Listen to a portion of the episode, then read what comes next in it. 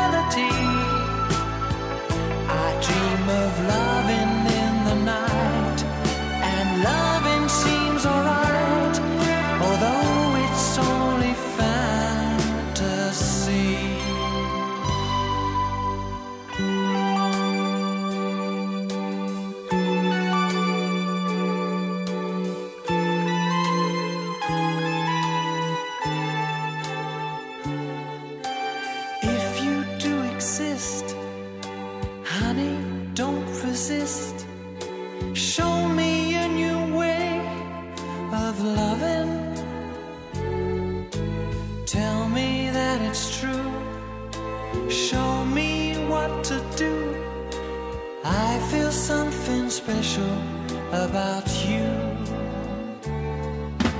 Dreams are my reality. The only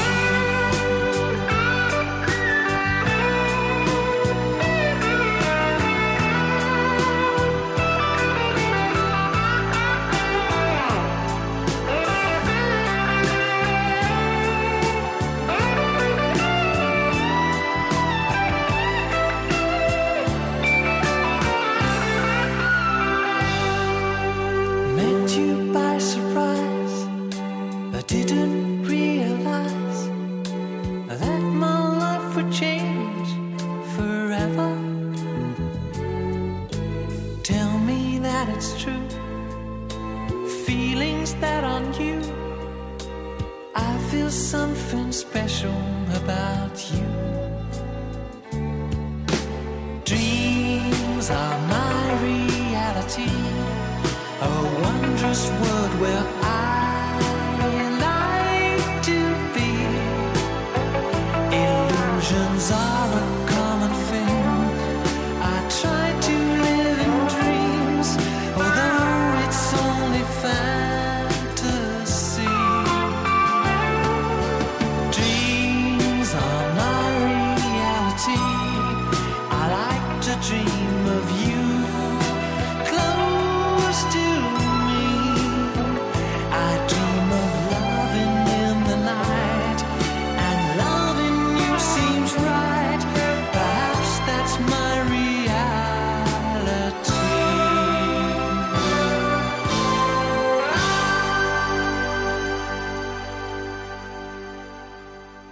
Nome, Marco, cognome, Sponza, età, 19 anni, provenienza, Capodistria, nato a Isola, professione, studente, segni particolari. gioco a pallanuoto, Il caffè come lo prendi? non lo bevo,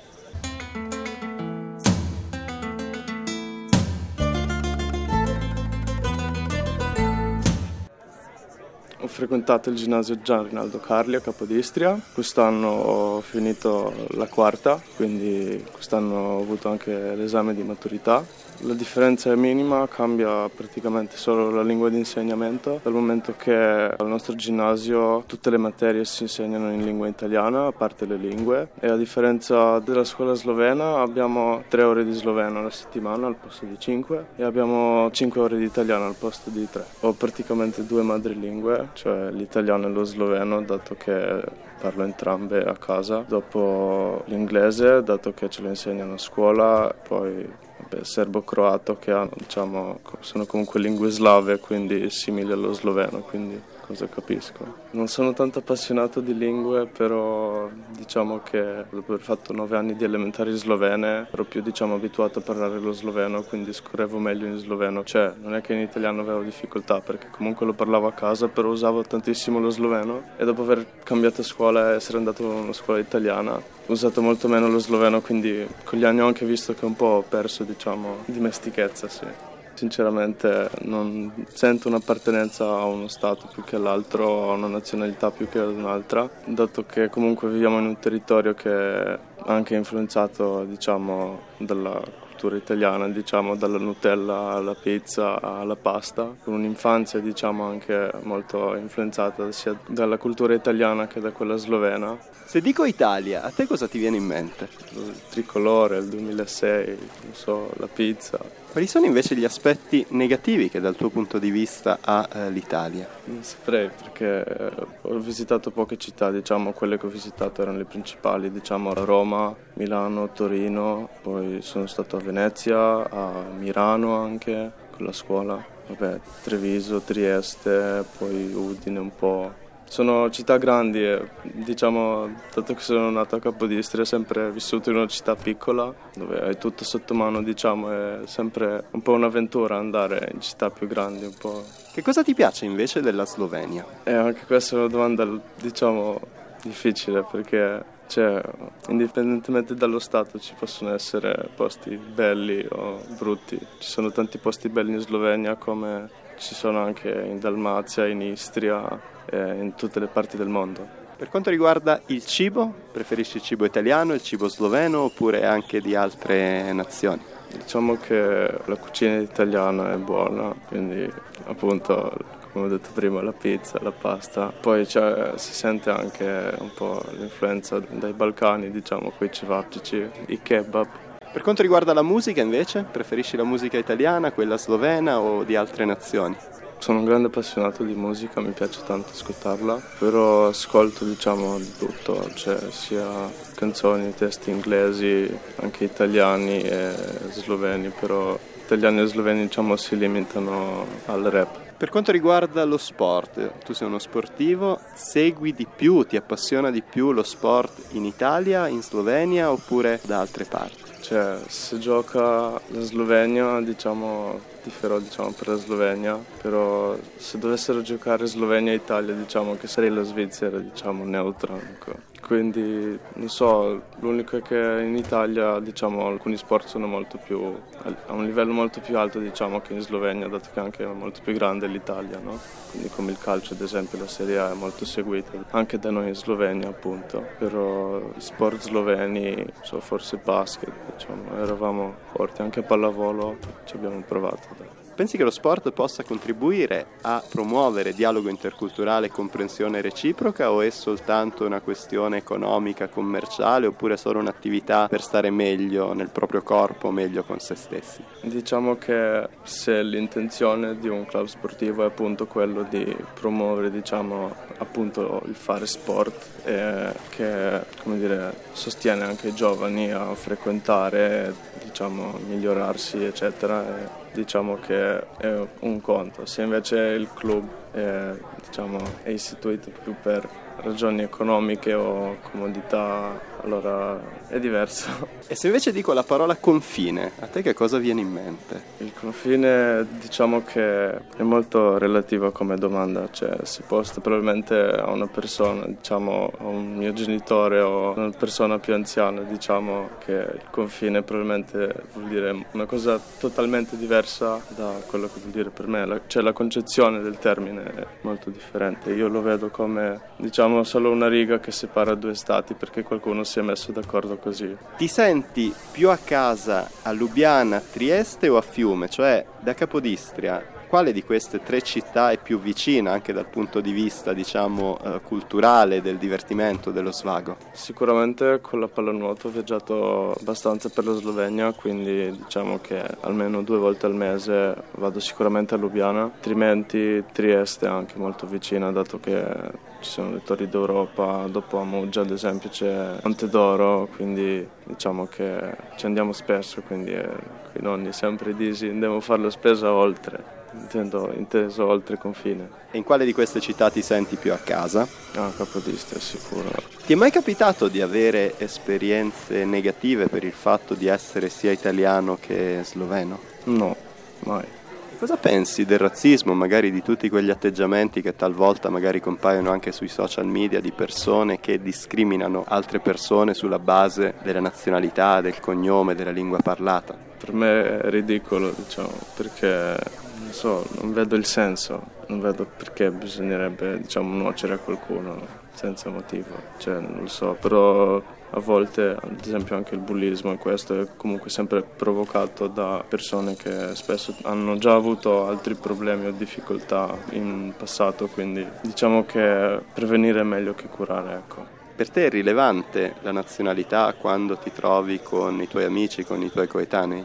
Ma assolutamente no, cioè, io ho amici italiani, sloveni, croati, serbi, bosniaci, montenegrini, albanesi, rumeni, di tutto. Ti senti fortunato ad essere nato e cresciuto in un ambiente così internazionale, interculturale, nel senso anche dal punto di vista linguistico probabilmente qui è abbastanza normale, ordinario parlare due o tre lingue sin da, dall'infanzia. Credo che questa cosa si stia perdendo perché sempre meno gente parla l'italiano, c'è comunque territorio bilingue, però diciamo che si perde abbastanza, si è perso penso, cioè, penso che la maggior parte delle persone che parla l'italiano sono più anziane, più grandi, più grandi.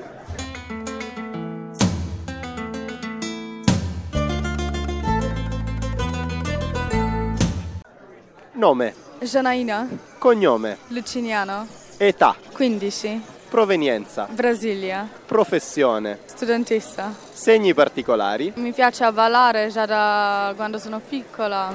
Questo è. Il caffè come lo prendi? Prendo latte macchiato con tanto zucchero e tanto latte.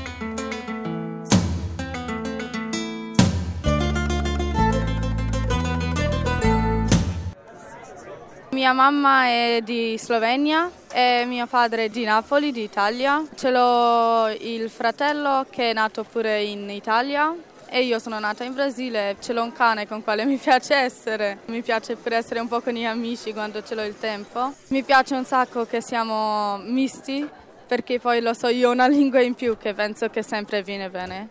Quindi sì, sono nata in Brasile, quando siamo stati più piccoli abbiamo viaggiato un sacco, adesso da qualche anno stiamo viaggiando un po' di meno perché comunque mi sono fatta più grande. Ballo da quando sono piccola, vado pure nella scuola di ballo, quindi io vado in una scuola normale dove ci impariamo tutte cose normali come matematica e tutto, ma facciamo pure il ballo a parte. Quindi in scuola penso ce l'ho a settimana, diciamo 15 ore di ballo tutto insieme, eppure prendo i voti di ballo eppure poi per iscrivermi in altre scuole non è che devo finire solo le materie ma pure il ballo. Quindi quando farò l'esame finale c'è tutto, sia le materie diverse sia il ballo. Questa è la cosa di mia scuola e questa è mia vita.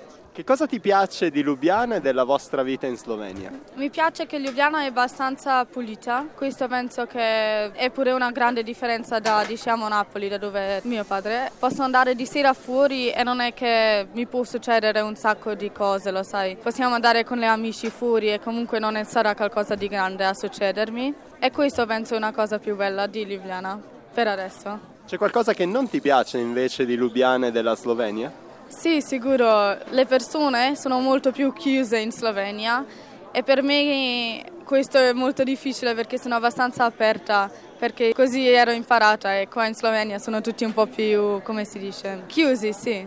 Ti piace invece l'Italia? L'Italia sì, mi piace tanto, mi piace il sole, il mare, tutte le persone sono aperte, c'è un sacco di risate, questo è più o meno. C'è qualcosa che non ti piace invece dell'Italia? È abbastanza sporca. Era difficile abituarsi che tutti gridano, ma parlano normale. Ma adesso questo mi fa ridere, quindi non è male. E ti senti più italiana o più slovena? questo me l'hanno chiesto un sacco di tempo già a casa e penso che mi sento più italiana come slovena. Non lo so intera cosa, come mi vedo che quando parlo con altre persone oppure come mi sento in Italia e in Slovenia. Penso che sono più italiana. Quante lingue parli tu? Adesso sto imparando mia quarta lingua. Parlo sloveno, certo italiano, inglese, adesso sto imparando spagnolo. Quale di queste lingue ti piace di più? Penso che mi piace più di tutto l'italiano perché mi piace il suono. Quando si parla è quasi come che si canta, non lo so, tutte le parole vengono insieme vicino, ma penso che nella vita mi servirà più di tutto inglese. Dal punto di vista del cibo, qual è il cibo che preferisci? Cibo, tutto, mi piace il cibo, mi piace mangiare, ma penso che in questo tempo mi piacciono più di tutto i sushi, quindi cibo giapponese, pure cinese, asiatico. Per quanto riguarda la musica invece, ti piace più la musica italiana o slovena o di altre nazioni? La musica slovena non mi piace proprio, quindi tutt'altra musica come slovena va bene a me, ma penso che più di tutte ascolto le musiche americane, ma qualche canzone italiana sempre va bene vicino.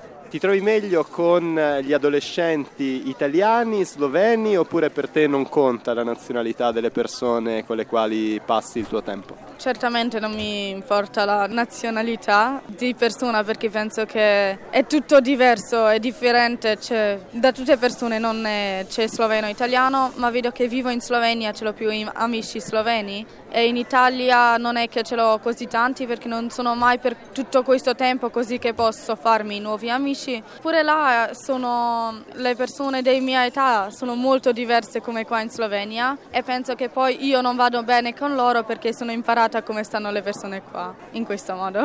Hai mai avuto delle esperienze negative per il fatto di essere sia italiana che slovena? Magari delle persone che ti prendevano in giro, che prendevano in giro anche tuo fratello, non lo so. Certamente sì, a persone gli piace a fare gli altri sentire male, quindi dovevano trovare qualcosa, hanno fatto Italia, certo, spaghetti, pizza, che adesso sembra simpatico, cioè te lo dico così, ma poi ce te lo dicono in scuola, a nove anni diventa un po' pesante, ma non ho fatto niente, li ho lasciato stare, quindi poi mi hanno finito di prendere in giro, ma il mio fratello hanno preso in giro un po' di più come a me, penso. E che cosa pensi quando succedono queste cose? Queste persone che lo fanno sono così triste loro che devono fare pure le altre persone a sentire male, quindi lo fanno per farsi sentire meglio se stessi, sfruttano gli altri. Perché io sono metà italiana, metà slovena, non vuol dire che mi piace tutta la pizza o tutte le cose slovene, ma che mi può piacere pure il cibo asiatico e questo è solo un esempio. Diciamo, se sono di una nazionalità, non vuol dire che mi piaceranno solo le cose di là e questo è una cosa importante che si sa dalla persona, penso, che non è solo perché è da là deve essere così. Questo è. Sei preoccupata pensando al futuro del pianeta Terra, pensando al cambiamento climatico? Sicuro, sì, sicuro, 100%, perché abbastanza persone vedono questo come che succederà tra 50 anni, tanto in quel tempo sarò morto, quindi a che mi serve di essere attento? Mi fa proprio preoccupare perché adesso in qualche mese, quando vedo come fa caldo e dovrebbe fare freddo, mi fa preoccupare perché vedo come la cosa non sta bene e un sacco di persone non lo vogliono capire, quindi è una cosa grande. Hai un suggerimento per chi dall'Italia sta pensando di trasferirsi in un'altra nazione o magari di trasferirsi in Slovenia? Io pure mi voglio trasferire fuori di Slovenia e penso che è molto bene per vedere il mondo un po', vedere le culture diverse. In Slovenia penso pure che è molto bene di vivere perché le scuole sono buone, qua è pulito, comunque è tutto un po' più, come si dice, sicuro. Penso con i bambini la persona si sente più sicura in Slovenia come in Italia. Io voglio prima finire le scuole, viaggiare in tutto il mondo, vedere dove sono nata e poi voglio trasferirmi in Spagna. Questa è una cosa che la voglio fare io. In Spagna perché mi piace la cultura, abbiamo viaggiato tante volte là, mi piace la lingua e le persone e la danza. Là c'è flamenco e a me mi piace, quindi vorrei fare qualcosa di questo.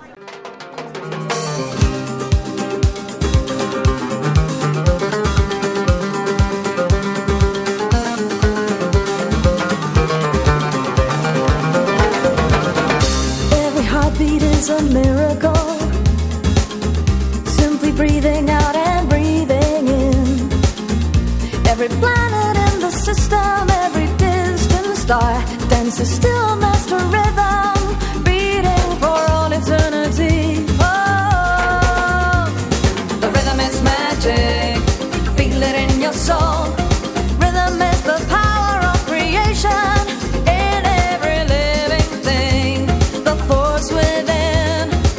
Rhythm is magic.